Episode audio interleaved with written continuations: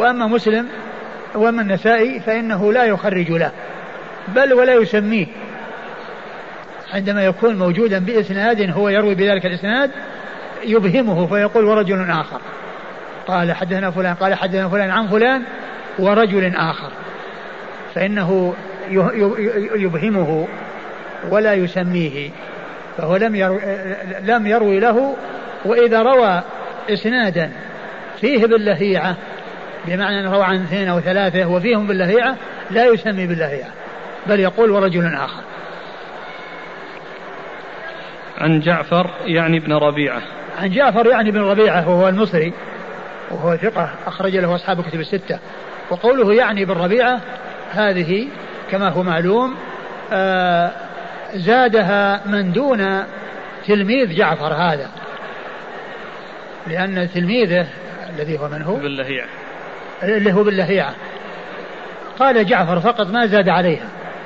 لكن الذي دونه والذي قبله وهو عبد الله بن مسلمة أو أبو داود أو من دون أبي داود هؤلاء أو واحد من هؤلاء هو الذي أتى بكلمة يعني ابن ربيعة. يعني ابن ربيعة. الذي أتى ب لأن قوله يعني هذه فعل مضارع. لها فاعل ولها قائل. ففاعلها ضمير مستتر يرجع إلى ابن لهيعة التلميذ. وقائلها من دون باللهيعة وقائلها من دون باللهيعة فقائلها من دون باللهيعة وفاعل الظن وفاعل الفعل المضارع هذا ضمير مستتر يرجع إلى ابن لهيعة يعني يرجع إلى التلميذ. وهذا من دقة المحدثين وعنايتهم واهتمامهم بالمحافظة على الألفاظ وعلى الصيغ التي تأتي لأن من دون ابن لهيعة. لو قال جعفر ابن ربيعة لظن أن هذا كلام ابن لهيعة. مع أن ابن لهيعة ما قال جعفر بن ربيعة قال جعفر فقط. فمن دون ابن ابن لهيعة أراد أن يوضح هذا المهمل وهذا يسمى في علم المصطلح المهمل حيث يذكر الاسم يذكر اسمه ولا يذكر اسم أبيه. أو اسم أبيه اسمه واسم أبيه ولا يذكر اسم جده. أو نسبته إذا كان ملتبسا بغيره وهو ملتبس بغيره فهذا يسمونه المهمل. و آه، وهذا كما قلت من عناية العلماء ودقتهم وأنهم يعني يحافظون على الألفاظ وإذا آه، أراد من دون التلميذ أن يوضح ذلك الشخص المهمل فإنه يأتي بكلمة يعني حتى يعرف أنها ليست من التلميذ. عن ابن شهاب عن عروة عن عائشة عن النبي صلى الله عليه وسلم. عن عن عروة عن ابن شهاب عن عروة عن عائشة عن النبي صلى الله عليه وسلم وهذا هو وقد مر ذكر هؤلاء. وقد مر ذكر هؤلاء. قال أبو داود جعفر لم يسمع من الزهري كتب إليه. قال أبو داود جعفر لم يسمع من الزهري كتب إليه. و ومعلوم أن هذا هذه الإسناد أو هذا الإسناد يقوي ويؤيد الإسناد الأول السابق الذي قبل هذا وقوله لم يسمع منه كتب إليه لا يؤثر لأن الكتابة معتبرة لأنه وإن لم يسمع يكفي أن يكون كتب إليه. والكتابة كانت معتبرة عند المحدثين يعني وقد كان ذلك موجود عند الصحابة كما في حديث المغيرة بن شعبة ومعاوية في قصة كاتبه والراد.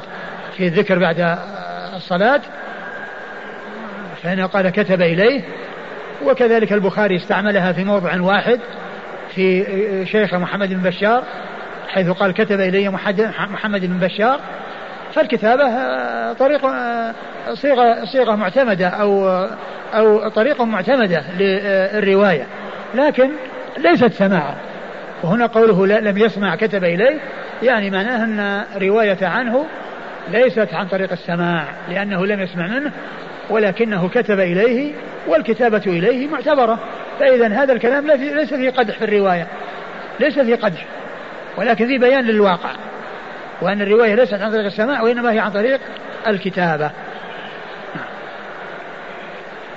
قال حدثنا محمد بن قدامة بن أعين قال حدثنا أبو عبيدة الحداد عن يونس وإسرائيل عن أبي إسحاق عن أبي بردة عن أبي موسى رضي الله عنه أن النبي صلى الله عليه وعلى آله وسلم قال لا نكاح إلا بولي قال أبو داود وهو يونس عن أبي بردة وإسرائيل عن أبي إسحاق عن أبي بردة ثم ورد أبو داود حديث أبي موسى الأشعري رضي الله عنه أن النبي صلى الله عليه وسلم قال لا نكاح إلا بولي لا نكاح إلا بولي يعني لا يعتبر نكاح ولا يصح النكاح إلا بولي.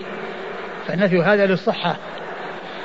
وأنه لا يعتبر ولا يعتد به إلا إذا كان من ولي. لا نكاح إلا بولي. وهو دليل أو من جملة الأدلة الدالة على اعتبار الولي. وكما عرفنا دل على ذلك الكتاب والسنة. دل على ذلك الكتاب والسنة. وهذا من أدلة السنة على اعتبار الولي في النكاح. وأنه لا يصح إلا بولي. ولا ينعقد إلا بولي. يعني للمرأة يتولى عقد نكاحها. نعم. قال حدثنا محمد بن قدامة بن أعين. محمد بن قدامة بن أعين هو ثقة مصيص أخرجه أبو داود والنسائي بن ماجه. ثقة أخرجه أبو داود والنسائي وابن ماجه. عن أبي عبيدة الحداد. عن أبي عبيدة الحداد وهو عبد الواحد بن واصل. عبد الواحد بن واصل وهو ثقة أخرجه البخاري وأبو داود والترمذي والنسائي. ثقة أخرجه البخاري وأبو داود والترمذي والنسائي. عن يونس وإسرائيل. عن يونس وهو بن آه، يونس بن آه، في إسحاق. يونس بن أبي إسحاق. يونس بن أبي إسحاق السبيعي وهو ثقة أخرجه أصحاب الكتب الستة. وإسرائيل بن يونس آه، وهو ثقة أخرجه أصحاب الكتب الستة. يونس بن أبي إسحاق. يونس بن أبي إسحاق وإسرائيل بن يونس إسرائيل. إسرائيل. هي بس درجته. آه يعني ثقة أخرج أصحاب الكتب الستة. يونس. إيه مو ثقة أخرج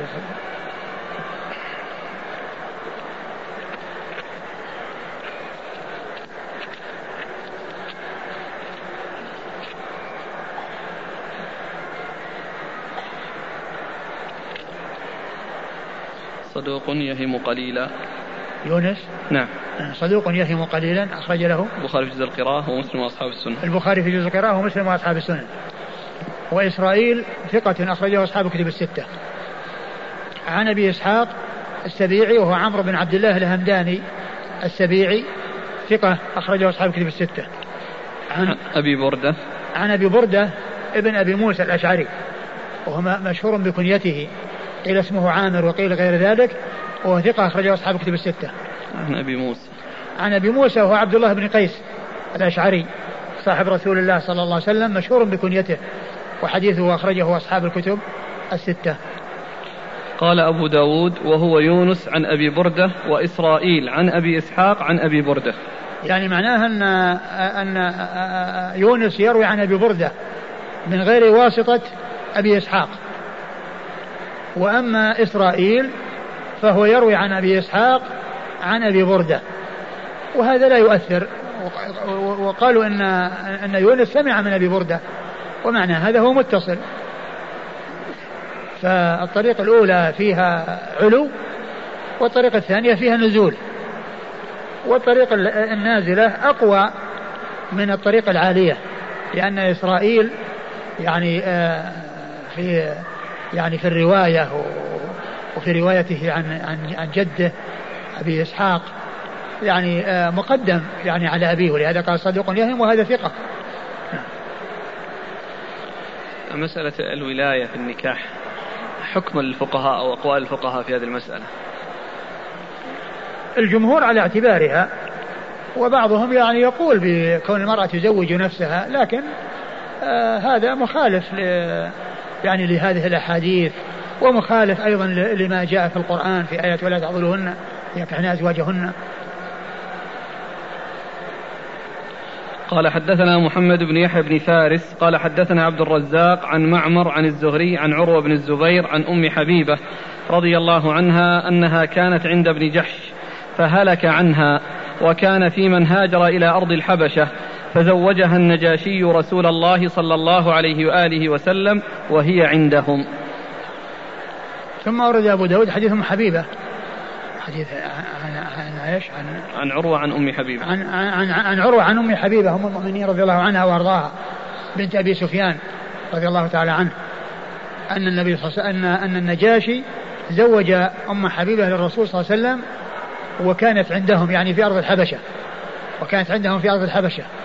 ومحل الشاهد من إيراد الحديث في باب ال ال الولي, الولي قوله زوجها النجاشي يعني أنه كان هو ملك الحبشة وكان هو السلطان ف وليس لها ولي فزوجها رسول الله صلى الله عليه وسلم وكان الرسول أرسل عمرو بن أمية الضمري وهو الذي آه، وكله في آه، آه، يعني في في, في تزوج أو في قبول الزواج عنه صلى الله عليه وسلم فيعني يكون النجاشي هو الذي الولي ويكون الذي قبل الزواج للرسول صلى الله عليه وسلم هو عمرو بن أمية الضمري. فمحل الشاهد من قوله زوجها النجاشي يعني هذا يدل على اعتبار الولي يدل على اعتبار الولي. وأيضا هو مثل ما تقدم فإن اشتجروا فالسلطان ولي من لا ولي له. نعم. عن أم حبيبة أنها كانت عند ابن جحش فهلك عنها. يعني كانت مع عبيد الله بن جحش. وكان مسلما يعني كما كما كانت هي مسلمة وهاجر إلى أرض الحبشة. ثم تنصر زوجها وهلك نصرانيا والعياذ بالله بعد أن ارتد عن الإسلام. وبقيت يعني هناك. فزوجها النجاشي للنبي صلى الله عليه وسلم قال حدثنا محمد بن فهلك إيش فهلك وإيش بعدها؟ فهلك عنها نعم. وكان في من هاجر إلى أرض الحبشة نعم. فزوجها النجاشي رسول الله صلى الله عليه وآله وسلم وهي عندهم وهي عندهم يعني في أرض الحبشة نعم. قال حدثنا محمد بن يحيى بن فارس محمد بن يحيى بن فارس هو الذهلي وهو ثقة أخرجه البخاري وأصحاب السنن عن عبد الرزاق عبد الرزاق بن همام الصنعاني اليماني ثقة أخرج له أصحاب كتب الستة. عن معمر. عن معمر بن راشد الأزدي البصري ثم اليماني وهو ثقة أخرج له أصحاب كتب الستة. عن الزهري. عن, عن الزهري مر ذكره عن عروة عن مر. ذكره عن أم حبيبة أم المؤمنين رضي الله عنها وأرضاها وهي رملة اسمها رملة ابنة أبي سفيان حديثها أخرجه أصحاب كتب الستة وقد جاء حديث في صحيح مسلم. يعني آه، فيه أن أبا سفيان قال للنبي صلى الله عليه وسلم طلب منه ثلاثا. قال تؤمرني أن أقاتل الكفار كما قاتلت كما قاتلت المسلمين وتجعل معاوية كاتبا وتتزوج أم حبيبة وتزوج أم حبيبة وهذا يخالف ما جاء في الحديث السابق. وكان تزويج النبي صلى الله عليه وسلم لتزويج النجاشي لأن أبا سفيان كان مشركا. وليس له حق الولاية. الكافر ليس له حق الولاية على المسلمة المرأة إذا كان أبوها كافرا ليس له أن يعقد النكاح لابنته المسلمة لابنته المسلمة. فليس له حق الولاية. الولاية ولاية المسلم هي للمسلم. المسلمة للمسلم ولا يليها كافر ويعقد نكاحها نكاحها وهو كافر. وهذا الحديث تكلم فيه العلماء وأوضح الكلام فيه ابن القيم وقال إن هذا من يعني خطأ وأن الرواية فيها غلط وأنه يعني لا يصح لأن أم المؤمنين رضي الله عنها وأرضاها تزوجت يعني إما سنة ست وإما سنة سبع وأبو سفيان لم يسلم إلا عام الفتح. في السنة الثامنة. في السنة الثامنة. فهو غير يعني مستقيم. ولهذا اعتبروه من من الأحاديث التي هي خطأ وهي في صحيح مسلم. والصحيح أن الذي زوجها النجاشي وأنها تزوجت قبل أن يسلم أبوها تزوجت قبل أن يسلم أبوها وتكلم العلماء كلاما كثيرا ذكره ابن القيم ورده وقال إن هذا ليس بصحيح. وإنما الذي يظهر ان قال أن الأقرب فيه انه أنه خطأ. وأنه يعني حصل فيه خطأ. وذكر أوجها لتأويله وقال إنها بعيدة جدا لا تصح. وقد ذكر ذلك ابن القيم في كتابه آه، آه، في الصلاة على النبي صلى الله عليه وسلم جلاء الأفهام الصلاة والسلام على خير الأنام. لأنه ذكر عند ذكر الآل اللهم صل على محمد وعلى آل محمد. تراجم مختصرة لأمهات المؤمنين لأنهن من جملة الآل وعند كلامه على أم حبيبة أو ترجمة لأم حبيبة ذكر هذا الحديث اللي في صحيح مسلم وذكر كلام العلماء فيه وكذلك أيضا في تهذيب السنن. نعم. قال رحمه الله تعالى باب في العضل. قال حدثنا محمد بن المثنى قال حدثني أبو عامر قال حدثنا عباد بن راشد عن الحسن قال حدثني معقل بن يسار رضي الله عنه قال كانت لي أخت تخطب إلي فأتاني ابن عم لي فأنكحتها إياه ثم طلقها طلاق ثم طلقها طلاقا له رجعة ثم تركها حتى انقضت عدتها فلما خطبت إلي أتاني يخطبها فقلت لا والله لا أنكحها أبدا. قال ففي نزلت هذه الآية وإذا طلقتم النساء فبلغن أجلهن فلا تعضلوهن أن ينكحن أزواجهن. الآية. قال فكفرت عن يميني فأنكحتها إياه. ثم ورد أبو داود العضل باب العضل يعني عضل الأولياء. وعضل الأولياء يعني منع الأولياء آه، آه، مولياتهم من التزويج.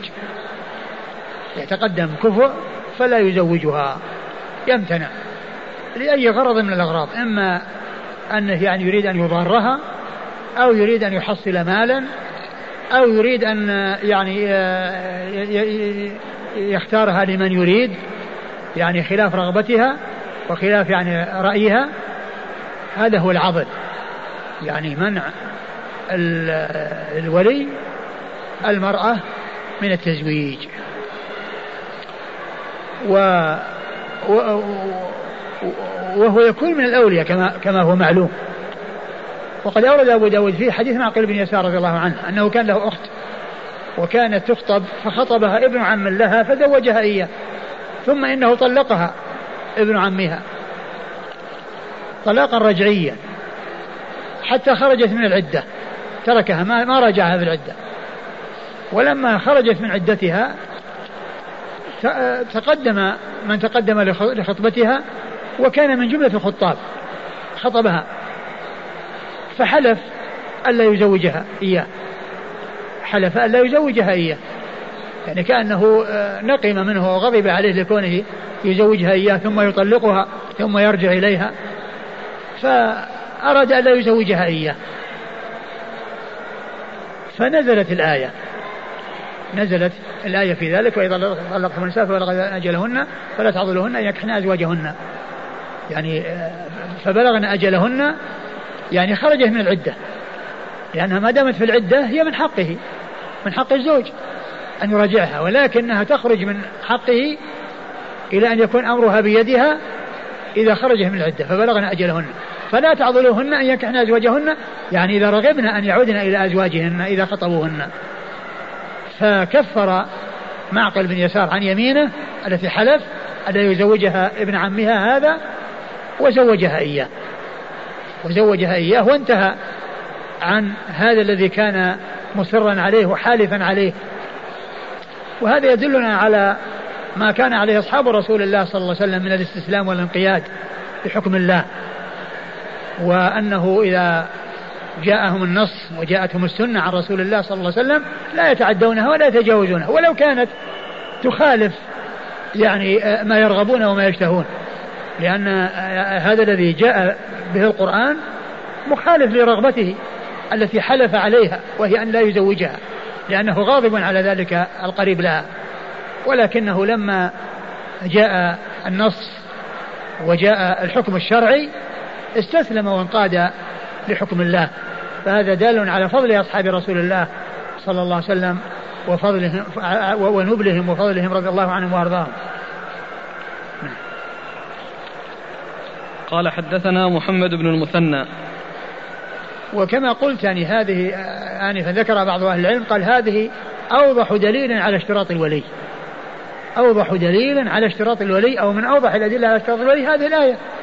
يعني لو كان الأمر بيدها وهي ترغب الزواج وأخوها آه، منعها ما يحتاج ما ما تلتفت إلى أخيها تزوج نفسها ولا تعمل عملا يوصلها إلى زوجها.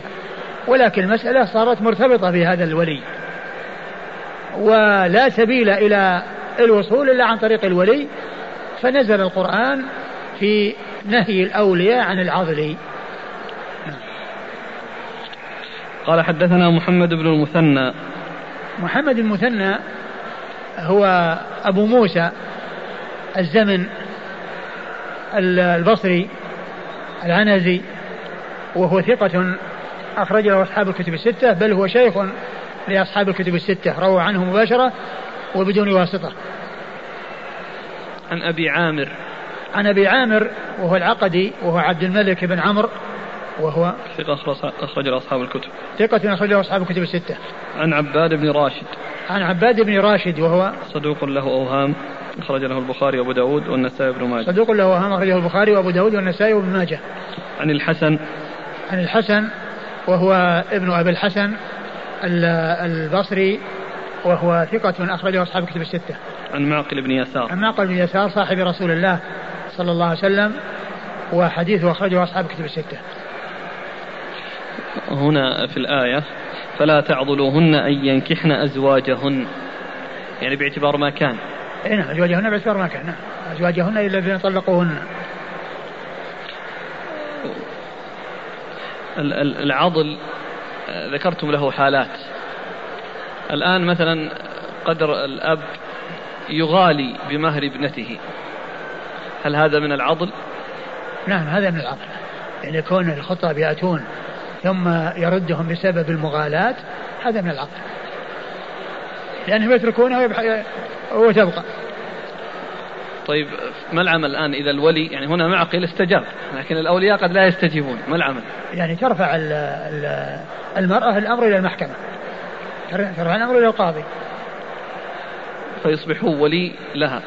يعني لا يعني تنتقل الولاية منه إلى غيره. القاضي ينقل الولاية منه إلى غيره.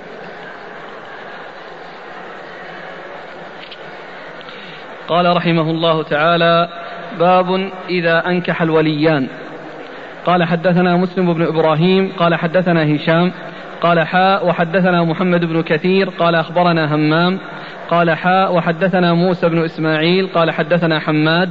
المعنى عن قتادة عن الحسن عن سمرة رضي الله عنه عن النبي صلى الله عليه وعلى آله وسلم أنه قال أيما امرأة زوجها وليان فهي للأول منهما. وأيما رجل باع بيعا من رجلين فهو للأول منهما. ثم ورد أبو داود إذا أنكح وليان نعم. إذا أنكح وليان أي ما الحكم؟ هل يفسخ النكاح مطلقا أو أو أو يعني يبطل نكاح أحدهما دون الآخر؟ هذا هو المقصود من من الترجمة. إذا أنكح وليان ما الحكم؟ هل يعني يكون النكاح لاغيا؟ أو يكون يعني صحيحا في حق واحد دون الآخر أو يكون صحيحا في حق واحد منهما دون الآخر. هذا هو المقصود من الترجمة. وأورد أبو داود حديث ثمرة. حديث ثمرة بن جندب رضي الله عنه.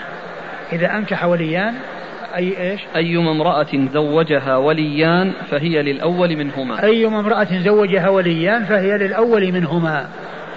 لأنه ما دام حصل العقد عليها فإنها صارت زوجة بذلك. فإذا إذا زوجت حصل عقد آخر بعد ذلك يعني معناه جاء في غير محله. جاء في غير محله. فإذا هي تكون للأول منهما.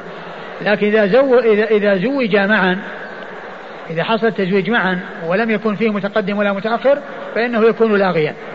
ولكن حيث يكون أحدهما متقدم والآخر متأخر فإن الحكم يكون للمتقدم والآخر يكون هو اللاغي والآخر يكون آه لاغيا. والحديث في إسناده آه آه الحسن عن سمرة ورواية الحسن عن سمرة فيها خلاف بين أهل العلم والصحيح فيها أن أن أن حديث العقيقة أنه ثابت سماعه منه وأما غير ذلك ففيه فهو غير ثابت. فهو غير ثابت. يعني سماعه في غير حديث العقيقة الغلام مرتهن بعقيقته هذا الحديث هذا ثابت سماعه. وأما غيره فهو غير ثابت. فالشيخ الألباني رحمه الله يعني ضعف الحديث بسبب هذا. ولكن معناه صحيح. قال الترمذي لا نعلم أحدا من العلم قال بخلاف ذلك. يعني معناه أنه متفق عليه وأن هذا حكم متفق عليه أن الحكم للأول. أن الحكم للأول. ثم قال وأيما وأيما رجل باع بيعا من رجلين فهو للأول منهما. وأيما رجل باع بيعا من رجلين فهو الأول منهما.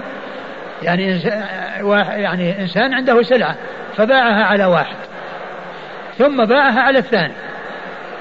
إذا هي للأول لأن الثاني صادف أنها ليست في ملكه ليست في ملك البائع يعني باع ما لا يملك لأنها هي للأول منهما. وأيما رجل باع يعني باع بيعا من رجلين. باع بيعا من رجلين فهي للأول منهما لأن العقد تم فاستحقه الأول والثاني جاء في غير محله. والثاني جاء العقد في غير محله لأنه ليس ملكا له وإنما هو مملوك لغيره. نعم. هنا الحرف الجر له معنى آخر. وأيما رجل باع بيعا من بمعنى على بمعنى على نعم من رجلين قال حدثنا حصل حصل, حصل له من رجلين يعني على هذا وعلى هذا حدثنا قال حدثنا مسلم بن إبراهيم مسلم بن إبراهيم الفراهيدي وهو ثقة أخرج له أصحاب كتب الستة. قال حاء وحدثنا محمد بن كثير. ثم قال حاء وهي للتحول من إسناد إلى إسناد. حدثنا محمد بن كثير العبدي وهو ثقة مر ذكره. عن همام. عن همام بن يحيى العوذي وهو ثقة أخرج له أصحاب كتب الستة. قال حاء وحدثنا مسلم بن إسماعيل موسى بن إسماعيل. ها؟ مو قال حاء قال حاء وحدثنا موسى بن إسماعيل, بن إسماعيل وهو التبوذكي البصري وهو ثقة أخرجه أصحاب كتب الستة. عن حماد عن حماد وهو بن سلمة لأن حماد إذا جاء موسى بن إسماعيل يروي عنه فالمراد بحماد بن سلمة وهذا اللي يسمونه المهمل في علم المصطلح يذكر الشخص باسمه ولا يذكر باسم معه اسم أبيه فيلتبس بغيره. وهنا حماد بن زيد وحماد بن سلمة. وهما في زمن واحد وفي بلد واحد ومتماثلان في الشيوخ والتلاميذ ولكن حيث جاء موسى ابن إسماعيل يروي عن حماد فإنه يحمل على حماد بن سلمة. ليس حماد بن زيد. وحماد بن سلمة ثقة. أخرجه البخاري تعليقا ومسلم وأصحاب السنن المعنى. المعنى يعني أن رواية هؤلاء إنما ليسوا متفقون في الألفاظ وإنما هو المعنى لأن ثلاث طرق. وهذه ثلاث طرق متفقة بالمعنى. هذا قول معنى قوله المعنى. يعني روايتهم متفقة بالمعنى ليست ليسوا متفقين في الألفاظ. عن قتادة. عن قتادة من دعامة السدوسي البصري ثقة أخرجه أصحاب كتب الستة. عن الحسن. عن الحسن بن أبي الحسن البصري مر ذكره. عن سمرة. عن سمرة بن جندب رضي الله عنه أخرجه أصحاب كتب الستة. قال رحمه الله تعالى باب قوله تعالى لا يحل لكم أن ترثوا النساء كرها ولا تعضلوهن. قال حدثنا أحمد بن منيع قال حدثنا أسباط بن محمد قال حدثنا الشيباني عن عكرمة عن ابن عباس رضي الله عنهما. قال الشيباني وذكره عطاء أبو الحسن السوائي ولا أظنه إلا عن ابن عباس. في هذه الآية لا يحل لكم أن ترثوا النساء كرها ولا تعضلوهن. قال كان الرجل إذا مات كان أولياؤه أحق بامرأته من ولي نفسها. إن شاء بعضهم زوجها أو زوجوها وإن شاءوا لم يزوجوها. فنزلت هذه الآية في ذلك. ثم ورد أبو داود باب قول الله عز وجل لا يحل لكم أن ترثوا النساء كرها. والمقصود يعني من ذلك بيان يعني تفسير هذه الآية وبيان سبب نزولها وأن كان من وأنه كان من عادات الجاهلية أن من تزوج امرأة ثم مات عنها فإن آه، ورثته أحق بها من نفسها. يعني معناه أنهم يمسكونها يتزوجها من أراد منهم أو يزوجونها. و فجاء الإسلام وأبطل ذلك. فجاء الإسلام وأبطل ذلك. وأنه إذا مات زوجها رجع الأمر إلى وليها. رجع الأمر إلى ما كان عليه قبل قبل الزواج الأول. يرجع الأمر إلى ما كان عليه قبل الزواج الأول. ما تكون الولاية تنتقل إلى أهل الزوج وأنهم يرثون آه، يعني بضعها بأن واحد يعني يأخذها أو يزوجها. وإنما يرجع إلى أوليائها وإليها هي. يعني تختار يعني يخطبها من ترضاه فيزوجها وليها. وإذا فهذا من من عادات الجاهلية التي أبطلها الإسلام. وكما عرفنا الجاهلية فيها أمور أقرها الإسلام ومنها ما ذكرته في أول الدرس من أن الولي كان معتبرا في الجاهلية وجاء الإسلام وأقره كما جاء في حديث عائشة في صحيح البخاري. وهنا في هذا الحديث يدل على بعض الأمور اللي كانت في الجاهلية في حق الولاية وأن الإسلام ألغاها وأبطلها. حيث يعني حرم عليهم أن يرثوها. يعني يرثوا بضعها ويرثوا يعني الولاية عليها. بل عندما يموت زوجها ترجع يرجع الأمر إلى ما كان عليه قبل الزواج. حيث يكون الحكم لوليها والولاية لوليها وليس لأولياء الزوج تسلط عليها آه، آه، الذي هو حكم من أحكام, أحكام الجاهلية. حكم أبطله الإسلام وألغاه الإسلام. نعم. كان الرجل إذا مات كان أولياؤه أحق بامرأته من ولي نفسها. ولي نفسها الذي هو أبوها أو أخوها أو الذي يزوجها. إن شاء بعضهم زوجها أو زوجوها. إن كان بعضهم إن شاء بعضهم زوجها يعني زوجها يعني آه، غيره أو تزوجها هو أو هم يتولون تزويجها. يعني معناه الأمر يرجع إلى ورثته. يرجع إلى ورثته. هم المسؤول هم الذين يتولون التصرف فيها. إما تزوجها وإما تزويجها. إما يتزوجها واحد منهم أو يزوجونها هم من يشاءون ويأخذون مهرها. وإن شاء وإن شاءوا لم يزوجوها. وإن شاءوا لم يزوجوها عضلوها ومنعوها وبقيت هكذا معطلة. قال حدثنا أحمد بن منيع أحمد بن منيع ثقة أخرجه أصحاب كتب الستة. قال حدثنا أسباط بن محمد. أسباط بن محمد هو ثقة القرشي ثقة ضعف في الثوري أخرجه أصحاب الكتب. ثقة أخرجه أصحاب كتب الستة. قال حدثنا الشيباني. الشيباني هو سليمان بن أبي سليمان. الشيباني هو ثقة أخرجه أصحاب كتب الستة. عن عكرمة. عن عكرمة هو ابن عباس وهو ثقة أخرجه أصحاب كتب الستة. عن ابن عباس. عن ابن عباس عبد الله بن عباس بن عبد المطلب بن عم النبي صلى الله عليه وسلم وأحد العباد الأربعة من أصحابه الكرام وأحد السبعة المعروفين بكثرة الحديث عن النبي صلى الله عليه وسلم قال الشيباني وذكره عطاء أبو الحسن السوائي قال الشيباني وذكره أبو عطاء أبو الحسن السوائي يعني طريقة أخرى وهذا مقبول الذي هو آه، عطاء أخرجه أبو داود. البخاري وأبو داود والنسائي. البخاري وأبو داود والنسائي. نعم. قال حدثنا أحمد بن ثابت المروزي. قال حدثني علي بن حسين بن واقد عن أبيه عن يزيد النحوي عن عكرمة عن ابن عباس رضي الله عنهما أنه قال لا يحل لكم أن ترثوا النساء كرها ولا تعضلوهن لتذهبوا ببعض ما آتيتموهن إلا أن يأتين بفاحشة مبينة. عن يزيد النحوي. نعم. عن عكرمة عن ابن عباس. نعم. وذلك أن الرجل كان يرث امرأة ذي قرابته فيعضلها حتى تموت أو ترد إليه صداقها. فأحكم الله عن ذلك ونهى عن ذلك. ثم ورد أبو داود الحديث من طريق أخرى عن ابن عباس وأن أن الأمر يعني كان في الجاهلية هكذا يعني بحيث أنها يعني يزوجها أو ترد إليه يرد ترد إليه المهر. يعني معنى أنهم يتصرفون فيها وأمرهم إليها وليس أمره أمرها إليهم وليس إلى ولي نفسها كما جاء في الحديث السابق إيش قال؟ وذلك أن الرجل كان يرث امرأة ذي قرابته نعم. فيعضلها حتى تموت أو ترد إليه صداقها يعني إذا مات من هو قريب له فإنه يرثها قريبه حتى إيش؟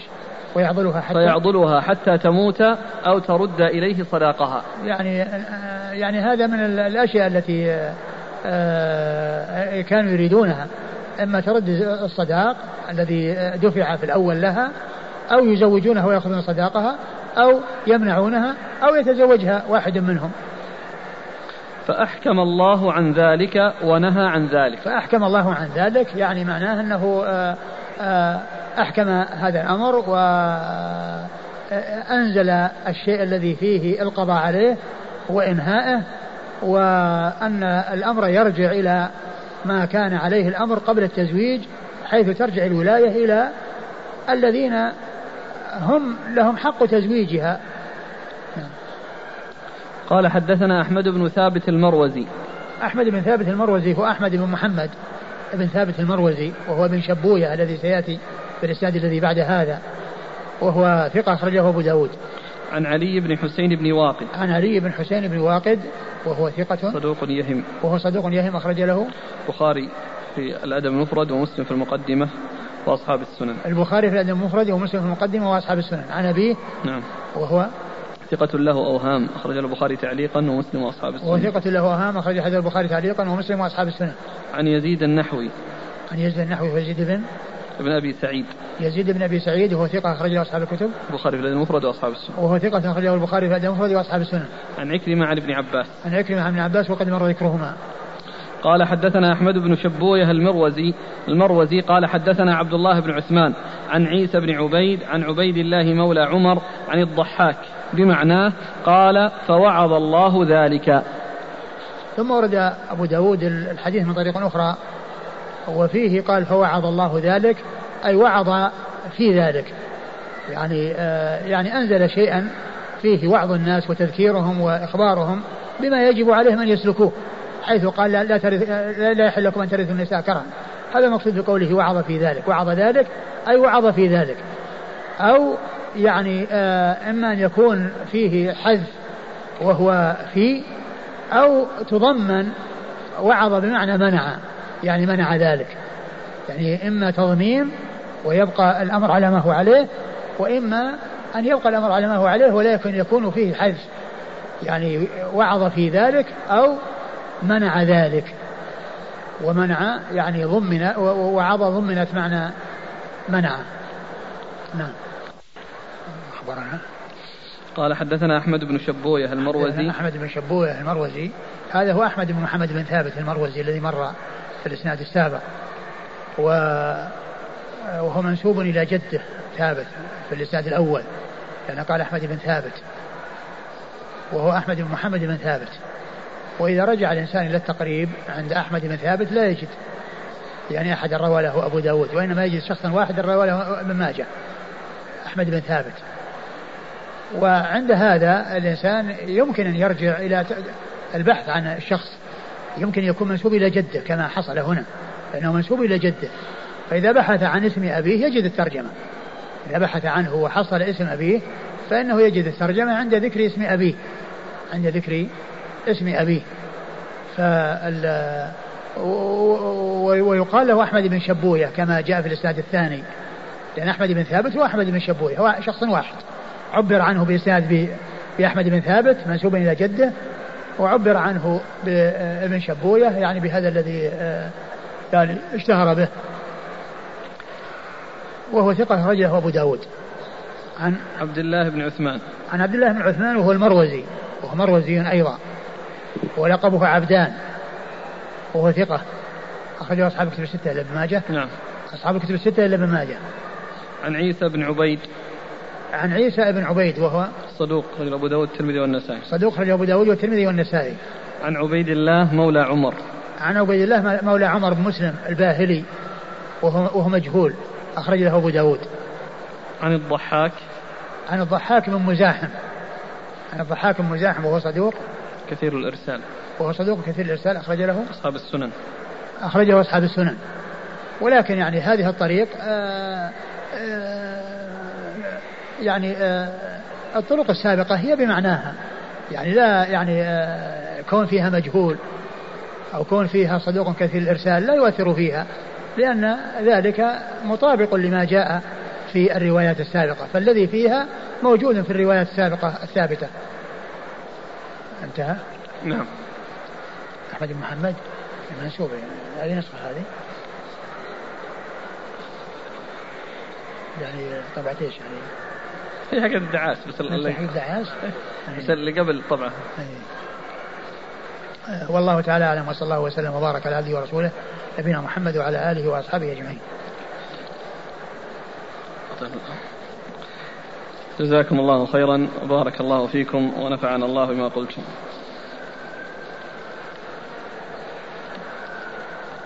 يقول هل الوكيل عن الولي يلزم منه أن يحصل أن يحصل على الإذن من الولي في التوكيل؟ هل الوكيل؟ هل الوكيل عن الولي يلزم أن يحصل على الإذن من الولي في التوكيل؟ كيف السؤال هذا؟ هو أصلا لا هو لا يكون وكيل إلا بإذن أقول هو لا يكون إلا بإذن, بإذن من الولي أن يحصل على ولي هو توكيله إذن له تحصيل حاصل أقول توكيله إذن له. إيش يعني؟ شيء في شيء شيء جديد يراد الحصول عليه؟ هو م... نعم. الوكالة العامة يعني آه، آه، ما ما تكفي في آه، اللهم إلا إذا كان يعني منصوصا يعني يعني عن الولاية اللي قالوا يمكنها فيما يتعلق بالمال وكذا. وأما قضية يعني الولاية هذه تحتاج إلى توكيل خاص. يقول إن أصاب رجل من امرأة بعد العقد بدون ولي ثم بعد ذلك هل يفسخ العقد ويعيده مرة أخرى مع وجود الولي؟ أو أن رضي الولي عند ذلك هل يكفي العقد الأول؟ لا ما يكفي. ما يكفي العقد الأول. بل آه، يعني لو زوجها غير ولي يعني كما آه، بغير موالي إذن مواليها فنكاحه باطل. هي لو زوجت نفسها لا يصح ذلك. أقول لا يصح ذلك. أن تزوج نفسها لأن هذا مخالف لما جاءت به السنة ولما جاء في القرآن الكريم.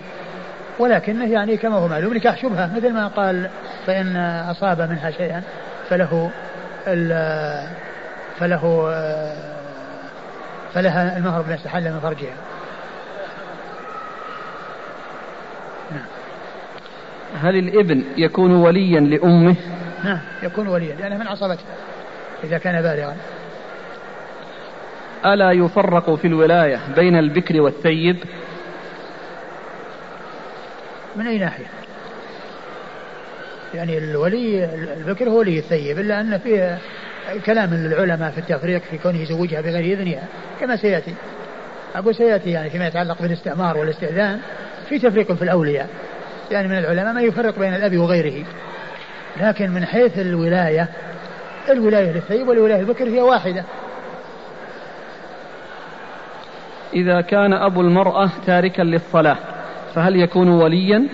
لا لا يكون وليا. إذا كان تاركا للصلاة لا يكون وليا. تنتقل الولاية إلى غيره. يقول إذا عضل الأولياء فمتى تخرج الولاية من أيديهم؟ إذا عضل. أو إذا عضل خرجت من أيديهم يقول إن لي عمة في جدة لم يعقد لها وليها وإنما عقد لها زوج أختها. أعوذ بالله. زوج أختها؟ زوج أختها أجنبي منها. وهذا قبل حوالي عشر سنوات ولها الآن بنت عمرها حوالي ثمان سنوات وإخوانها خارج المملكة وقد مات أبوها ولا ابن لها. فمن يعقد لها؟ وهل يجوز لي أن أعقد لها؟ هو شو قرابته لها؟ هي عمته. هي عمته؟ نعم. يرجع يرجع الأمر هذا في هذا إلى المحكمة. يرجع في هذا الأمر في هذا المحكمة وهي التي يعني آه، تتخذ يعني آه، ما ترى حول الزواج السابق وحول الذي حصل وحول ما يستقبل. تزوج رجل من امرأة بغير إذن وليها. وكان القاضي هو وليها والسبب أن وليها رفضه بسبب التزامه وأنه ذو لحية فهل يصح هذا النكاح؟ إيش إيش؟ تزوج رجل ها؟ عقد لها القاضي؟ إي أه. ووليها غير راضي بهذا الزوج أه. رفضه بسبب التزامه وأنه ذو لحية فهل يصح هذا النكاح؟ أقول إذا كان القاضي أو إذا كان القاضي يعني حكم ب أو زوجها أقول زوجها فالزواج صحيح. لأن السلطان ولي من لا ولي له وإذا حصل عضل وبعدين هذا يعني الكلام يعني كونه لكونه كذا ولكونه كذا هذا يعني أقول يراجع فيه يراجع فيه القاضي. وإذا كان عليه اعتراض على هذا يعني يراجع الذي فوق القاضي. قوله صلى الله عليه وسلم فهو للأول منهما. ليس فيه اعتبار الترتيب بين الأولياء كالاب والأخ مثلا. والله هو الأصل هو الاعتبار. كما عرفنا أن ليس لأحد أن يتعدى لكنه يعني آه، من حيث العموم الولاية آه، هو يعتبر ولي ولكن ولايته متأخرة. قال الإمام أبو داود السجستاني رحمه الله تعالى باب في الاستئمار. قال حدثنا مسلم بن إبراهيم قال حدثنا أبان قال حدثنا يحيى عن أبي سلمة عن أبي هريرة رضي الله عنه عن النبي صلى الله عليه وعلى آله وسلم أنه قال لا تنكح الثيب حتى تستأمر ولا البكر إلا بإذنها. قالوا يا رسول الله وما إذنها؟ قال أن تسكت. بسم الله الرحمن الرحيم. الحمد لله رب العالمين وصلى الله وسلم وبارك على عبده ورسوله نبينا محمد وعلى آله وأصحابه أجمعين. أما بعد يقول الإمام أبو داود السجستاني رحمه الله باب في الاستئمار والاستئمار هو طلب الأمر من المرأة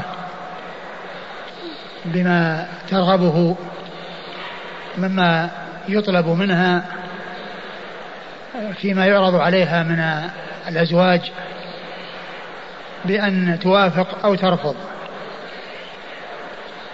هذا هو الاستئمار يعني طلب الأمر. والاستئمار غالبا يأتي مع الثيبات لأنهن اللاتي يحصل منهن أو آآ آآ لا بد من أن ينطقن وأن يتكلمن بما يردنه من الرغبة في من يعرض عليهن أو رفضه. وأما الأبكار فقد جاء كثيرا التعبير بالاستئذان. وجاء في بعض الأحاديث الاستئمار. وجاء في بعض الأحاديث الاستئمار. لكن لا يلزم في حق البكر أنها تأمر أن تنطق كما هو مطلوب من الثيب وإنما يكفي أن تصمت وأن تسكت. لأن الأبكار يغلب عليهن الحياء لأن هذا شيء جديد عليهن. بخلاف الثيبات فقد سبق لهن أن آه، عاشرن الأزواج واتصلن بالأزواج. فصار فصارت الثيبات يعبر عنها بالاستعمار وأنه لا بد من نطقها بما تريد. وأما الأبكار فيعبر بالاستئذان ويعبر بالاستعمار لكنه لا يلزمها ما يلزم الثيب من النطق بل إن نطقت فقد تبين مرادها بنطقها وإن لم تنطق ولكنها سكتت لما يكون على يغلب عليها من الحياء فإنه فإن ذلك يكون كافيا كما جاء بيان ذلك في حديث الرسول صلى الله عليه وسلم. وقد أورد الإمام أبو داود رحمه الله حديث أبي هريرة. حديث أبي هريرة رضي الله عنه أن النبي صلى الله عليه وسلم قال لا تنكح الثيب حتى لا تنكح الثيب حتى تستأمر ولا البكر حتى تستأذن. قالوا وكيف؟ ولا البكر إلا بإذنها. قالوا وما إذنها؟ ولا ولا وقال إيش؟ ولا ولا البكر إلا ولا البكر إلا بإذنها قالوا وما وما إذنها؟ قال أن تسكت. نعم. قال أن تسكت. فهذا الحديث فيه ما يتعلق الحكم آه، المتعلق بالثيبات والحكم المتعلق بالأبكار وفيه التفريق بين الثيبات والأبكار بأن الثيبات آه، مطلوب نطقهن وإفصاحهن بما يريدن من الرغبة أو الامتناع وأما الأبكار فإن آه، حصل منهن النطق فقد آه، اتضح مرادهن بنطقهن وإن لم يحصل منهن وسكتن فسكوتهن موافقة منهن فسكوتهن يعتبر دليلا على رضاهن دليلا على رضاهن و آه، قد بين رسول الله صلى الله عليه وسلم في هذا الحديث أن إذنها أنها أن تصمت وأنه لا يلزم أن تنطق كما يلزم في حق الثيبة. وعلى هذا فالحديث واضح في التفريق بين الثيبات والأبكار بأن الثيبات لا بد من النطق وهو ولهذا يأتي التعبير بالأمر بالاستمار أو بالأمر بأنها تستأمر. وأما الأبكار فإنه يأتي التعبير بالإذن والتعبير بالاستئمار أو بالأمر ولكن آه، النطق ليس بلازم بل يكفي السكوت والصمت فهو دليل على موافقتها وعدم امتناعها. وأما إن رفضت وتكلمت وقالت إنها لا تريد فإنه لا آه، لا تجبر ولا تلزم. نعم. قال حدثنا مسلم بن إبراهيم. مسلم بن إبراهيم الفراهيدي ثقة أخرج له أصحاب كتب الستة. عن أبان عن أبان بن يزيد العطار وهو ثقة أخرج له أصحاب الكتب الستة إلا ابن ماجه. عن يحيى. عن يحيى آه، آه، ابن سعيد الأنصاري وهو ثقة أخرجه أصحاب الكتب الستة. يحيى عن أبي سلمة. عن أبي سلمة هو يحيى بن سعيد؟ يحيى بن أبي كثير. يحيى بن أبي كثير. في تحفة الأشراف. تحفة الأشراف؟ نعم. نعم إذا إذا هو ليس يحيى بن سعيد وإنما هو يحيى بن أبي كثير اليمامي. يحيى بن أبي كثير اليمامي وهو ثقة أخرجه أصحاب الكتب الستة. عن أبي سلمة. عن أبي سلمة بن عبد الرحمن بن عوف. عن أبي سلمة بن عبد الرحمن بن عوف وهو مدني ثقة من فقهاء المدينة السبعة في عصر التابعين على أحد الأقوال الثلاثة في السابع منهم وحديثه أخرجه أصحاب الكتب الستة. عن أبي هريرة عبد الرحمن بن صخر الدوسي صاحب رسول الله صلى الله عليه وسلم وهو أكثر الصحابة حديثا على الإطلاق رضي الله عنه وأرضاه. قال حدثنا أبو كامل قال حدثنا يزيد يعني بن زريع قال حاء وحدثنا موسى بن إسماعيل قال حدثنا حماد المعنى. قال حدثني محمد بن عمرو قال حدثنا أبو سلمة عن أبي هريرة رضي الله عنه أنه قال قال رسول الله صلى الله عليه وعلى آله وسلم تستأمر اليتيمة في نفسها فإن سكتت فهو إذنها وإن أبت فلا جواز عليها. والإخبار في حديث يزيد. ثم ورد أبو داود حديث أبي هريرة. حديث أبي هريرة رضي الله عنه أن النبي صلى الله عليه وسلم قال تستأمر اليتيمة في نفسها والمقصود باليتيمة آه، آه، أي التي آه، التي يعني مات أبوها ويعني وليها غيره فإنه يستأمرها. يعني يطلب منها أن تخبر بما ترغب من الرغبة في من يعرض عليها من الأزواج أو الرفض. والمقصود باليتيمة يعني باعتبار ما كان لأنها لا تستأذن وهي في حال يتمها ولكنه باعتبار ما كان لها من اليتم وإنما يكون ذلك بعد البلوغ. يعني بعد بلوغها تستأمر وتستأذن. و آه، لا يلزم أن تنطق بل يكفي أن تصمت يكفي أن تصمت. وعبر عنها يتيمة أو باليتم باعتبار ما كان وهو ما قبل البلوغ لأن هذا الوصف كان معها فعوملت آه، أو آه، فيما بعد بلوغها آه، معاملة ما كان قبل البلوغ من اعتبار من إطلاق اليتم عليها من إطلاق اليتم عليها. وهذا نظير قول الله عز وجل و وآتوا اليتامى أموالهم وآتوا اليتامى أموالهم. ومعلوم أن اليتيم لا يعطى ماله إلا بعد أن يبلغ ويرشد ولهذا يقول الله عز وجل وابتلوا اليتامى. فإذا بلغوا النكاح فإن آنستم منه رشدا فادفعوا إليهم أموالهم. يعني معناها أنه بعد البلوغ ولكنه قيل يتيم باعتبار ما كان باعتبار ما كان لا باعتبار الحال باعتبار ما كان. يعني أنه كان يتيما فيما مضى ف آه، استعمل معه هذا الوصف يعني بعد البلوغ. لا لا تستأمر اليتيمة في نفسها. نعم. فإن سكتت فهو إذنها. فإن سكتت فهو إذنها. وهذا يدل على أن الأبكار يعني سكوتهن آه، آه، هو إذن منهن وأنه لا يلزم آه، النطق.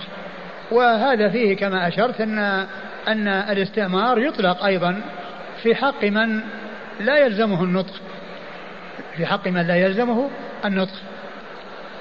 وإن أبت فلا جواز عليها. وإن أبت فلا جواز عليها يعني لا يلزم لا تجبر على الزواج ما دام إنها رفضت وإنها لم توافق وامتنعت من الزواج من ممن عرض عليها فإنه لا جواز عليها يعني لا يلزم ولا آه، يجوز آه، أو لا تجبر آه، لا تجبر على تزويجها. قال حدثنا أبو كامل. أبو كامل الجحدري هو فضيل بن حسين وهو ثقة أخرج له. البخاري تعليقا ومسلم وأبو داود والنسائي. البخاري تعليقا ومسلم وأبو داود والنسائي. عن يزيد يعني بن زريع. عن يزيد يعني بن زريع وهو ثقة أخرج له أصحاب الكتب الستة. قال حاء وحدثنا موسى بن إسماعيل. قال حاء وهي التحول من إسناد إلى إسناد. حدثنا موسى بن إسماعيل وهو التبوذكي البصري ثقة أخرج له أصحاب الكتب الستة. عن حماد. عن حماد وهو بن سلمة بن دينار البصري ثقة أخرج له أصحاب البخاري تعليقا ومسلم وأصحاب السنن وحماد كما عرفنا هو هنا مهمل غير منسوب. والشخص إذا ذكر باسمه دون اسم أبيه يقال له المهمل أو ذكر باسمه واسم أبيه ولكنه لم يؤت بما يزيد توضيحه فإنه يقال له يقال له المهمل. يعني أنه أهمل من أن يتميز عن غيره ممن يشابهه ويماثله. وموسى بن إسماعيل إذا جاء يروي عن حماد وهو غير منسوب فالمراد به حماد بن سلمة وليس حماد بن زيد. والمزي في تحفة الأشراف لما ذكر ترجمة حماد بن سلمة بعد ترجمة حماد بن زيد وهما متجاورتان في تهذيب الكمال ذكر آه، فصلا يعني في تمييز آه، هذا من هذا وذلك في حق الرواة أو في معرفة ذكر الرواة الذين يروون عنهم. إذا روى فلان وفلان عن فلان فهو حماد بن زيد. وإذا روى فلان وفلان وفلان عن حماد غير منسوب فهو حماد بن سلمة. ذكر فصلا في آخر أو بعد ترجمة حماد بن زيد حماد بن سلمة لأن سورة حماد بن سلمة مجاورة لترجمة حماد بن زيد. حماد بن زيد أول لأن الزاء لأن في حرف الزاي وسلمة حماد بن سلمة بعده لأنه في حرف السين. بعد الفراغ من الترجمتين ذكر هذا الفصل الذي فيه بيان آه تمييز أحدهما عند الإهمال وذلك بمعرفة التلاميذ الذين يروون عن, يروون عن كل منهما. قال المعنى المعنى أي المعنى واحد. يعني هاتان الطريقتان هاتان الطريقان. الطريقة الذي التي فيها من هو الأول؟ يزيد بن أبو كامل عن يزيد بن أبو زريع. كامل عن يزيد بن زريع. والطريقة الثانية التي فيها موسى بن إسماعيل عن حماد بن سلمة. المعنى واحد. المعنى أي المعنى واحد؟ يعني أن هاتان طريقان ومتفقان في المعنى مع الاختلاف في الألفاظ. عن محمد بن عمرو. محمد بن عمرو بن علقمة بن وقاص الليثي وهو صدوق. له أوهام أخرج له أصحاب كتب الستة. عن أبي سلمة عن أبي هريرة. عن أبي سلمة عن أبي هريرة وقد مر ذكرهما في الإسناد الذي قبل هذا. قال أبو داود والإخبار في حديث يزيد. قال أبو داود والإخبار في حديث يزيد. يعني أنه جاء هنا قال حدثني. قال حدثني آه، محمد بن عمرو. نعم. قال حدثني. يعني ليسوا كلهم صرحوا بالإخبار. وإنما الطريقة الثانية فيها العنعنة. الطريقة الثانية بالعنعنة. وأما هذا الذي فيه الإخبار وقوله حدثني هو في الطريق الأولى. طريق حماد طريق يزيد بن زريع الذي هو شيخ شيخ أبي داود في الإسناد الأول. والطريقة الثانية التي لم يسق لفظها أو الإسناد يعني عليها فإنها بالعنعنة. والعنعنة كما هو معلوم لا تؤثر في حق الأشخاص أو رواية الأشخاص الذين لا يعرفون بالتدريس ما يؤثر. ولكن هذا من دقة المحدثين وعنايتهم. كونه آه، أحدهم قال حدثني أو أخبرني وأحدهما قال عن يعني المقصود من ذلك بيان الواقع والحقيقة. ولهذا فهذا من دقتهم. ولهذا نجد أن في بعض الأحاديث كما سبق أن مر بنا أن أنه إذا كان فرق بين الراويين بأن قال أحدهما قال رسول الله صلى الله عليه وسلم والثاني قال قال النبي صلى الله عليه وسلم. يعني يميزون بين هذا وهذا. هذا كله من العناية في الضبط والتحديث بما يعني آآ آه، آآ آه، سمعوه وأنهم يتقيدون بالألفاظ. حتى الفرق أن هذا عبر بالرسول وهذا عبر بالنبي مع أن التعبير بالنبي وتعبير الرسول آه، واحد. قال رسول الله صلى الله عليه وسلم كذا قال النبي صلى الله عليه وسلم كذا آه، لا فرق. لكن هذا من العناية والدقة منهم رحمة الله عليهم. إذا أطلق الإخبار وأراد به التحديد نعم نعم أراد التحديد نعم. قال أبو داود وكذلك رواه أبو خالد سليمان بن حيان ومعاذ بن معاذ عن محمد بن عمرو. وكذلك رواه أبو, أبو, خالد, خالد سليمان بن حيان. أبو خالد سليمان بن حيان وهو الأحمر. أبو خالد الأحمر. وهو صدوق يخطئ أخرج أصحاب الكتب. صدوق يخطئ أخرج أصحاب الكتب. ومعاذ بن معاذ. ومعاذ بن معاذ العنبري وهو ثقة أخرج أصحاب الكتب الستة. عن محمد بن عمرو. عن محمد بن عمرو الذي مر في الإسناد ابن وقاص. ابن علقمة بن وقاص الليثي. إذا صاروا أربعة. نعم.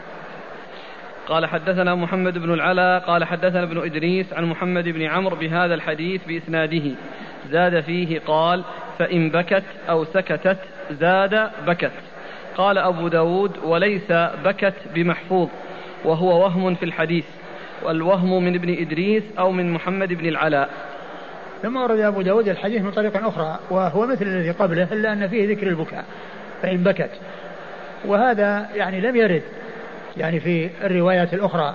ولهذا قال أبو داود أنه غير محفوظ لأن المحفوظ آه، ذكر الصمت والسكوت. ذكر الصمت والسكوت.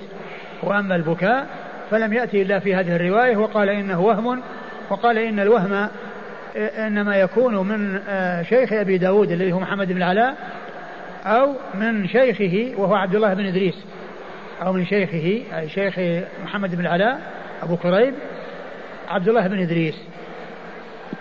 لأن الذين يعني يعني فوق يعني جاء عنهم التعبير بال بال بالسكوت أو الصمت. وإنما ذكر البكاء إنما جاء يعني من رواية هذين اللذين هو إما إما شيخ أبي داود محمد بن علاء أو شيخ شيخ عبد الله بن إدريس. نعم. قال حدثنا محمد بن العلاء. محمد بن العلاء ابن كريب أبو كريب. وهو ثقة أخرج له أصحاب كتب الستة. عن ابن إدريس. عن ابن إدريس عبد الله بن إدريس وهو ثقة أخرج له أصحاب كتب الستة. عن محمد بن عمرو بهذا الحديث بإسناده. محمد بن عمرو مر ذكره. قال أبو داود ورواه أبو عمرو ذكوان عن عائشة رضي الله عنها أنها قالت يا رسول الله إن البكر تستحي أن تتكلم. قال سكاتها إقرارها. وهذا أيضا مطابق لما تقدم يعني من أن البكر أنها إذنها صماتها كما سبق أن مر في الحديث الأول. قال وما إذنها؟ قال أن تسكت. فهذا مطابق لما تقدم من أن البكرة إنما إذنها سكوتها وصمتها وأنه لا يلزم نطقها. نعم. قال أبو داود ورواه أبو عمرو ذكوان. أبو عمرو ذكوان هو مولى عائشة وهو ثقة أخرج البخاري ومسلم وأبو داود النسائي ثقة أخرجه البخاري ومسلم وأبو داود النسائي عن عائشة. عن عائشة أم المؤمنين رضي الله عنها وأرضاها الصديقة بنت الصديق وهي واحدة من سبعة أشخاص عرفوا بكثرة الحديث عن النبي صلى الله عليه وسلم.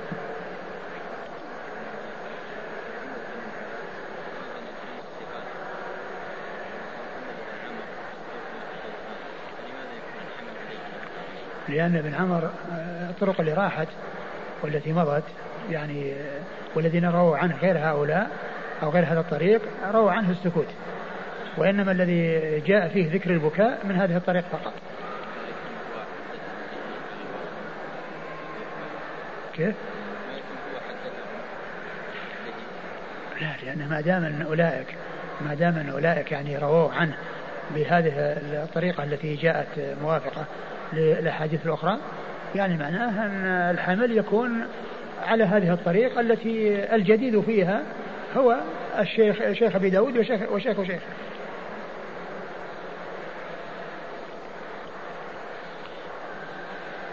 آه، هنا هذا الحديث الأخير عن عائشة. قال أبو داود ورواه أبو عمرو ذكوان الإسناد وش به؟ يقال له ليش الإسناد ماذا يقال له؟ معلق هذا. أين؟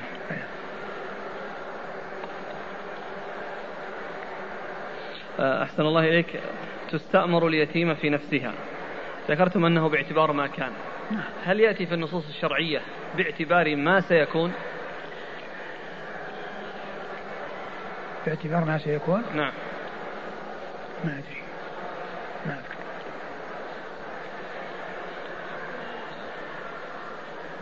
لقنوا موتاكم لا إله نعم هذا هذا من لقنوا موتاكم لا إله إلا الله. فإنه أطلق عليه الموت أنه مات لأنه على وشك الموت. يعني فأعطي يعني ما يقاربه أو ما يعني يعني ما يتصل به. كما أنه أيضا جاء في الأحاديث الأخرى التي فيها اللي هي المغرب وتر النهار. المغرب وتر النهار مع أن المغرب في الليل وليست في النهار. ولكنها لقربها من النهار ولاتصالها بالنهار يعني قيل لها وتر النهار. وإلا هي ليست في النهار هي في الليل من صلوات الليل. هي من الصلوات الجهرية التي تأتي في الليل. ولكنها قيل لها وتر النهار وهي ليست من النهار باعتبار آه يعني آه قربها منه وهو أنها بعده. وكذلك أيضا حديث شهر عيد لا ينقصان. شهر عيد مع أن العيد ليس في رمضان العيد في شوال. وأطلق يعني الشهر والعيد أضيف إليه لأنه وهو, وهو ليس منه لأنه من شهر شوال. فهذا من جنس هذا.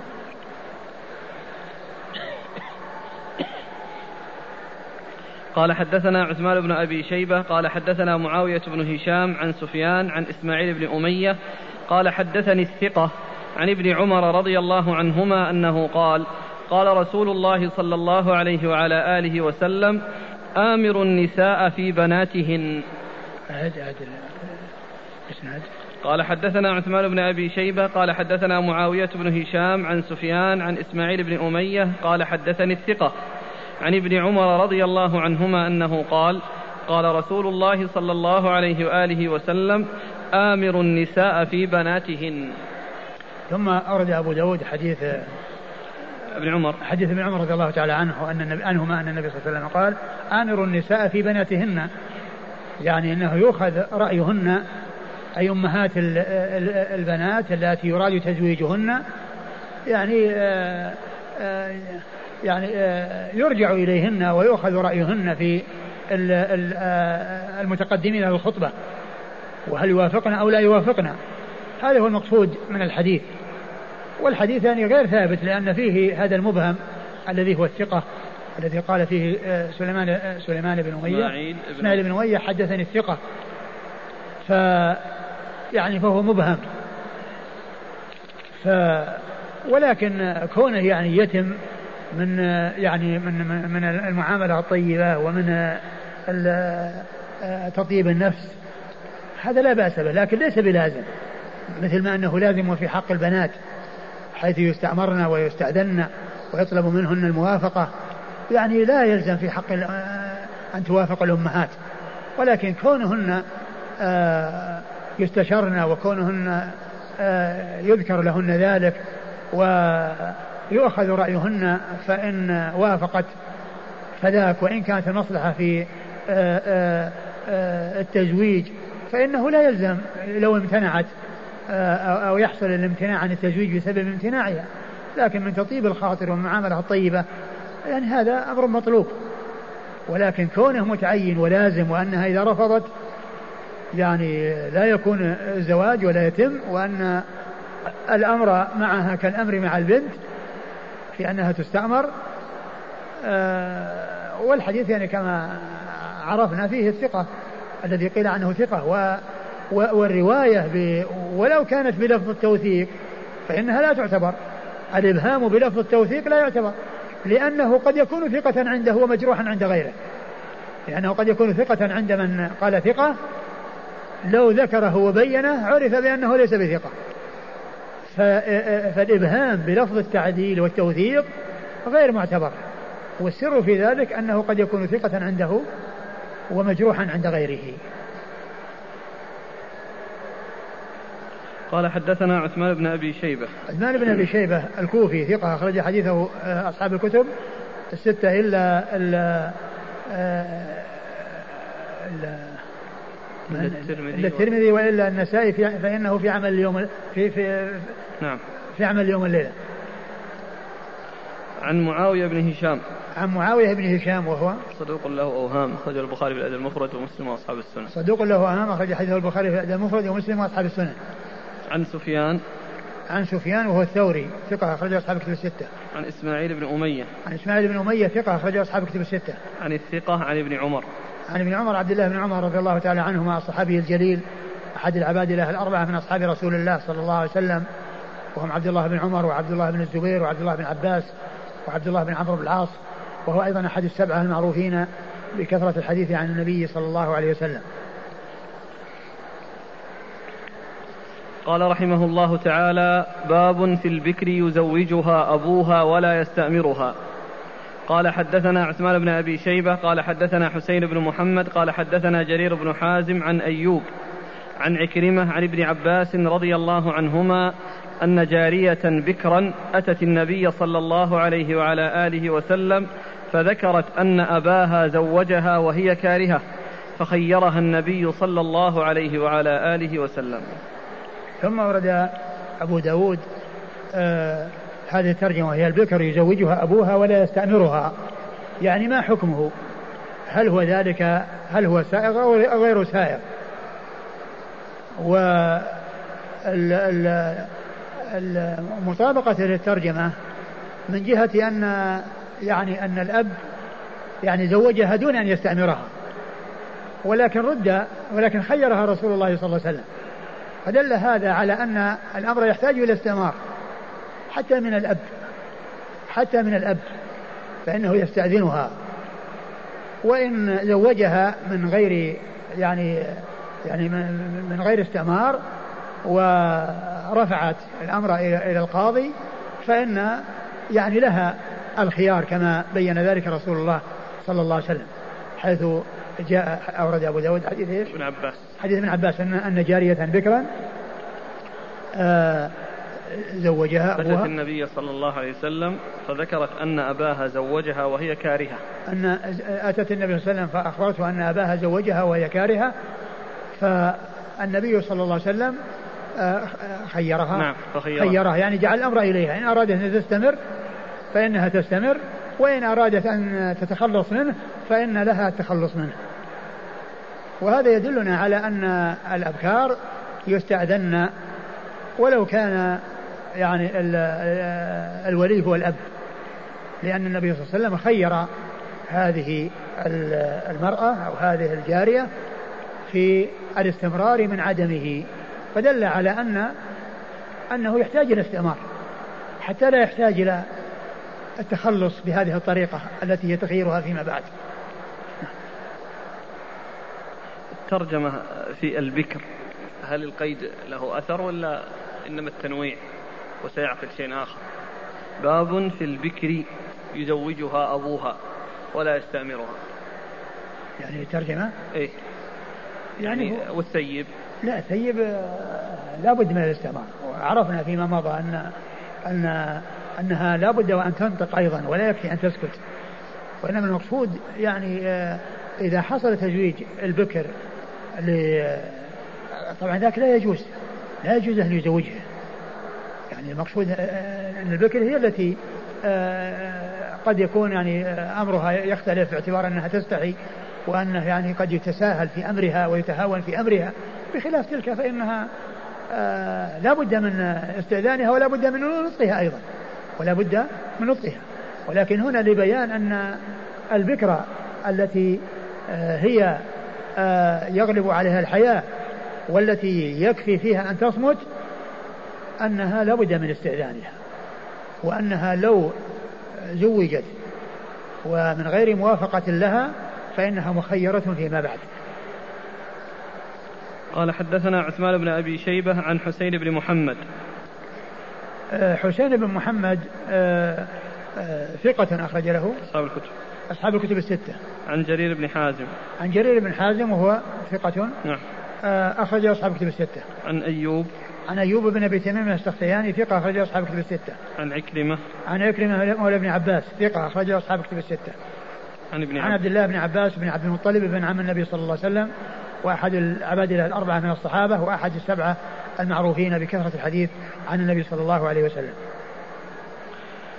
قال حدثنا محمد بن عبيد قال حدثنا حماد بن زيد عن أيوب عن عكرمة عن النبي صلى الله عليه وعلى آله وسلم بهذا الحديث. قال أبو داود لم يذكر ابن عباس وكذلك رواه الناس مرسلا معروف. ثم أورد أبو داود آه، الحديث من طريق أخرى وفيه أنه مرسل ما في ذكر ابن عباس. وقال إن الرواة الآخرون أو أن أكثر الروايات أو آه، جميع الروايات من غير هذه الطريق إنما هي بالإرسال. إنما هي بالإرسال. ولكن معلوم أن إذا تعارض الوصل والإرسال إذا تعارض الوصل والإرسال فإن الوصل زيادة من ثقة. فإن الوصل يكون زيادة من ثقة فتكون مقبولة. ويقدم الوصل على الإرسال. ويقدم الوصل على الإرسال. فيكون الحديث ثابتا ولا يؤثر كونه جاء من طرق أخرى مرسل. وكلام ال ال أبي داود رحمه الله يعني فيه إشارة إلى تضعيفه لأنه قال أنه رواه الناس وقال معروف والمعروف رواية ال يعني ال المشهور عند المحدثين أنه رواية الثقة مخالفا للضعيف.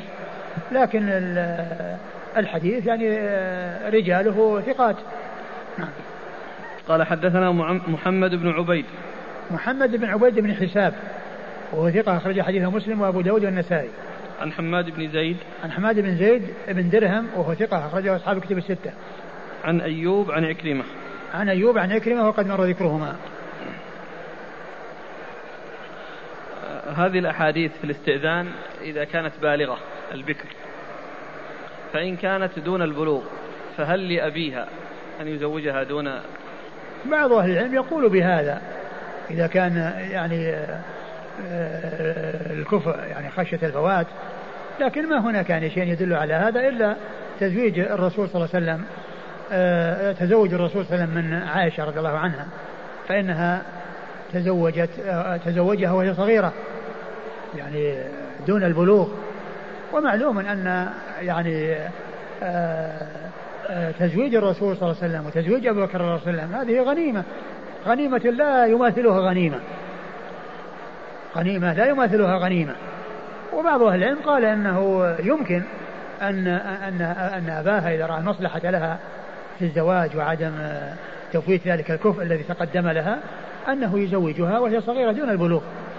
لكن الذي يبدو ويظهر من النصوص أن أن أن الأبكار يعني لا يزوجن إلا باستئذان. لكن إذا ينتظر إلى أن تبلغ لأن الصغيرة حينئذ لا على كل يعني هي هو إن زوجها يعني إن, إن زوجها فالتزويج صحيح التزويج صحيح ولكن إذا كانت آه، اعترضت على ذلك يعني فلها حق التخلص من الزوج.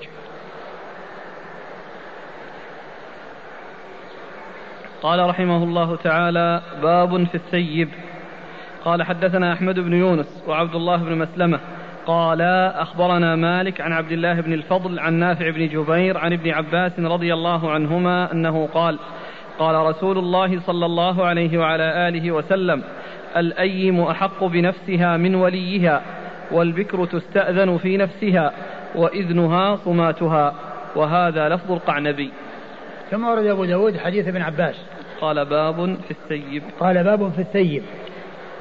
قال باب في الثيب يعني آه أنها آه تستأمر وأنها حق بنفسها يعني من جهة أنها حق بنفسها في أن آه آه أنها آه لا بد من إذنها لا بد من إذنها ويفهم منه أن البكرة ليست كذلك. لكن هذه دلالة مفهوم. وقد جاءت الأحاديث الأخرى دالة على استئذانها وعلى استئمارها. فلا يترك المنطوق من أجل المفهوم. ولكن نص على الثيب بأنها أحق بنفسها لأنها قد حصل لها آه، المعرفة وحصل لها العشرة مع الأزواج. فيكون استئذانها متعين لكن هذا لا ينفي أن تستأذن البكر التي يكفي فيها أن تصمت.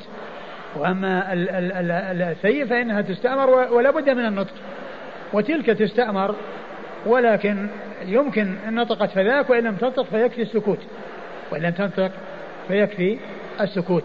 والأيم هنا يراد بها البكر. لأنه قبل بالثيب يراد بها الثيب لأنه قبل بالبكر. مع أن الأيم يأتي لغير مزوجة مطلقة. كل من كانت يعني غير مزوجة يقال لها أيم. لكن آه، هنا يراد به خصوص الثيب.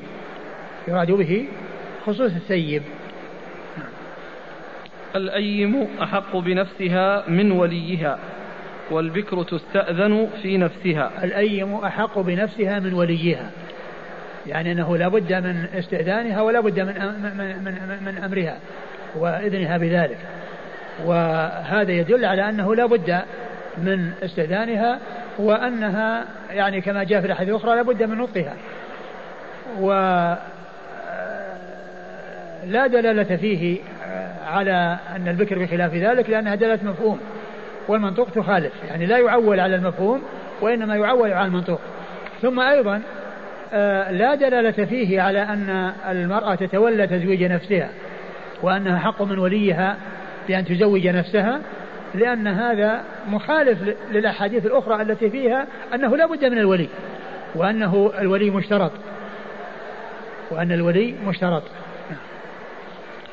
والبكر تستأذن في نفسها. والبكر تستأذن في نفسها وإذنها صماتها. وإذنها صماتها. نعم. قال حدثنا أحمد بن يونس. أحمد بن يونس ثقة أخرج له أصحاب كتب الستة. وعبد الله بن مسلمة. وعبد الله بن مسلمة القعنبي ثقة أخرج له أصحاب كتب الستة إلا ابن ماجه. قال أخبرنا مالك. مالك بن أنس إمام دار الهجرة المحدث الفقيه الإمام المشهور أحد أصحاب المذاهب الأربعة المشهورة من مذاهب أهل السنة وحديثه أخرجه أصحاب كتب الستة. عن عبد الله بن الفضل. عن عبد الله بن الفضل وهو ثقة أخرجه أصحاب كتب الستة. عن نافع بن جبير. عن نافع بن جبير بن مطعم وهو ثقة أخرجه أصحاب كتب الستة. عن ابن عباس. عن ابن عباس وقد مر ذكره. قال وهذا لفظ القعنبي. قال وهذا لفظ القعنبي يعني أن هذا لفظ للشيخ الثاني لأنه ساقه على لفظ الشيخ الثاني الذي هو عبد الله بن مسلمة يعني عبد الله بن مسلمة القعنبي قال حدثنا أحمد بن حنبل قال حدثنا سفيان عن زياد بن سعد عن عبد الله بن الفضل بإسناده ومعناه قال السيب أحق بنفسها من وليها والبكر يستأمرها أبوها. قال أبو داود أبوها ليس بمحفوظ. ثم أورد أبو داود الحديث من طريق أخرى. وفيه التعبير بالثيب بدل الأيم. الثيب بدل الأيم. الثيب أحق بنفسها من وليها.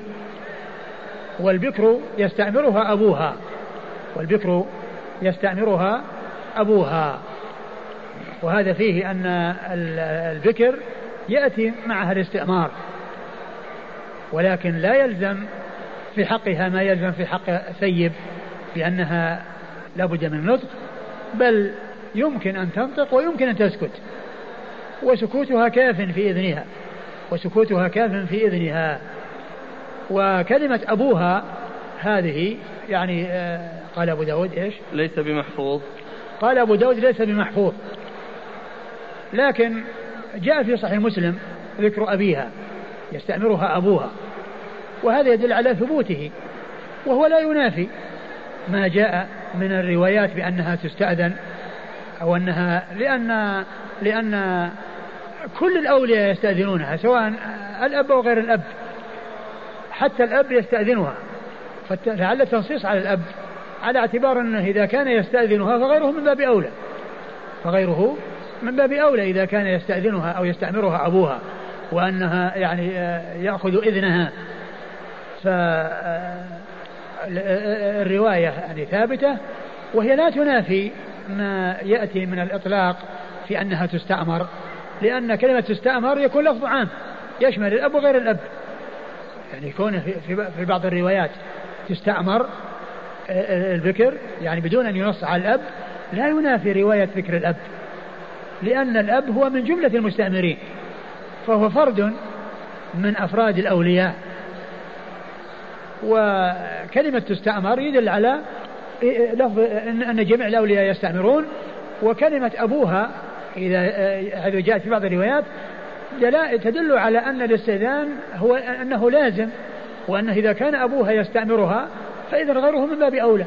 فإذا لا تنافي بين رواية تستأمر تستأمر وبين رواية يستأمرها أبوها ولا تعارض بينهما لأن لأنه في حال عدم ذكر الأب فالأولياء كلهم يستأمرون وفيهم الأب.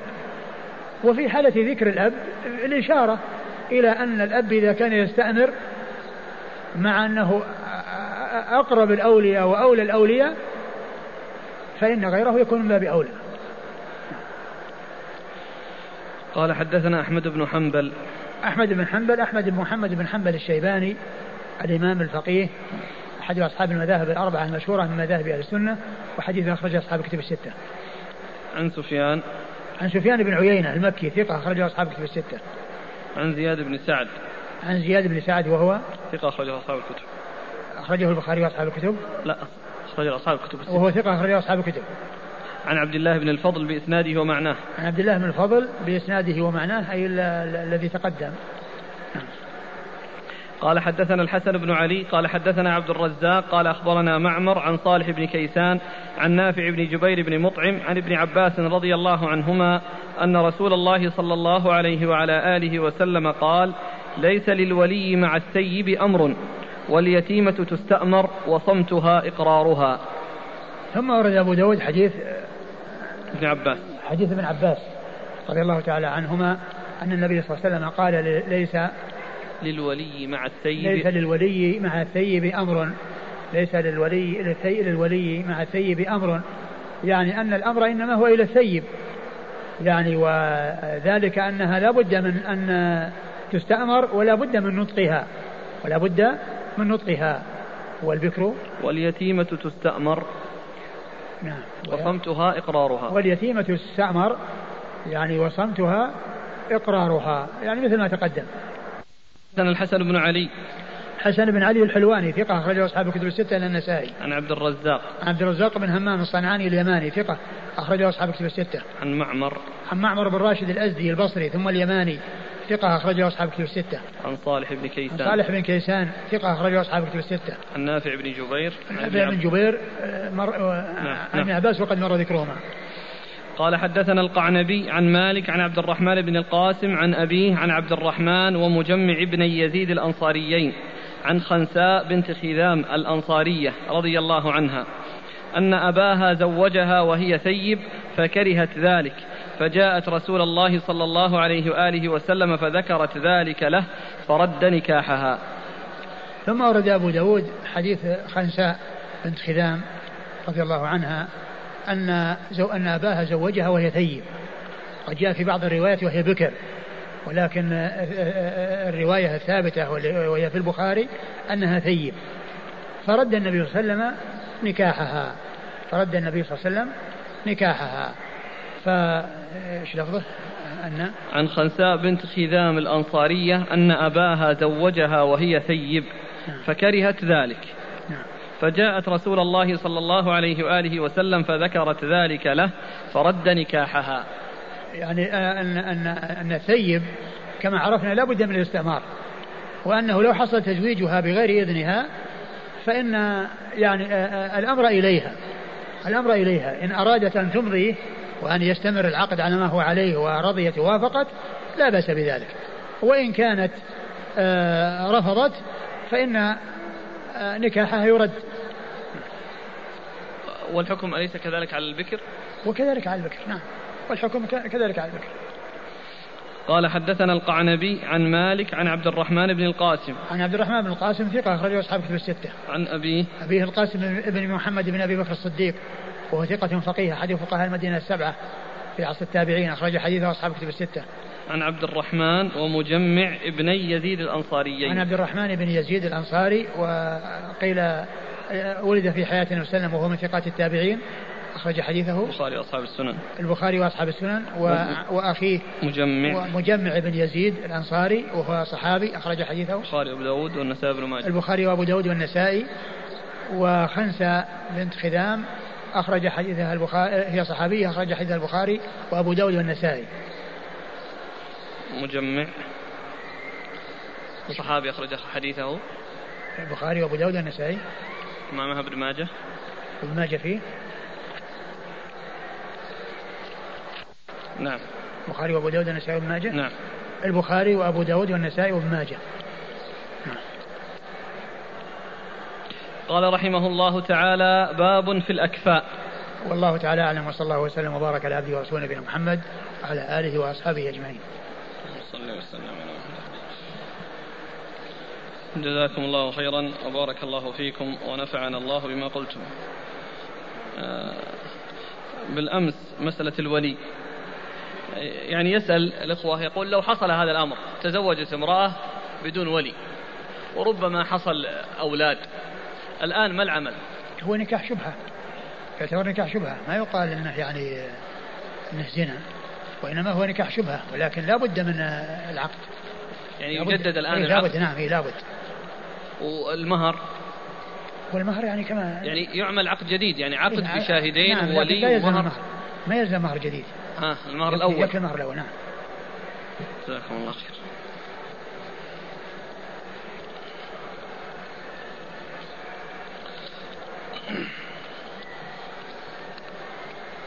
يقول المرأة التي ولدت من زنا هل السلطان يكون وليا لها؟ نعم. نعم يكون وليا لها. السلطان ولي من لا ولي له. ويقول نريد توضيح معنى السلطان. السلطان هو ولي الأمر. ولي الأمر ومن ينوب عنه. ومن ينوب عنه؟ مثل القضاة. يعني فإنهم هم الذين يعني يرجع إليهم يعني في ذلك. الدول الكافرة إذا كان يعني فيه جماعات إسلامية أو يعني المسلمين لهم يعني مرجع يرجعون إليه فإنه يعتبر بمثابة السلطان لأن الكفار لا ولاية لهم على المسلمين. يعني الآن المراكز الإسلامية إمام أين المسجد والخطيب أين يكفي؟ أين هل استئمار الثيبات شرط في صحة العقد؟ لا ليس بشرط في صحة العقد. ولكنه يعني أمر واجب ولازم. ولو حصل فإن الأمر يرجع إليهن. لا يقال أن العقد يبطل.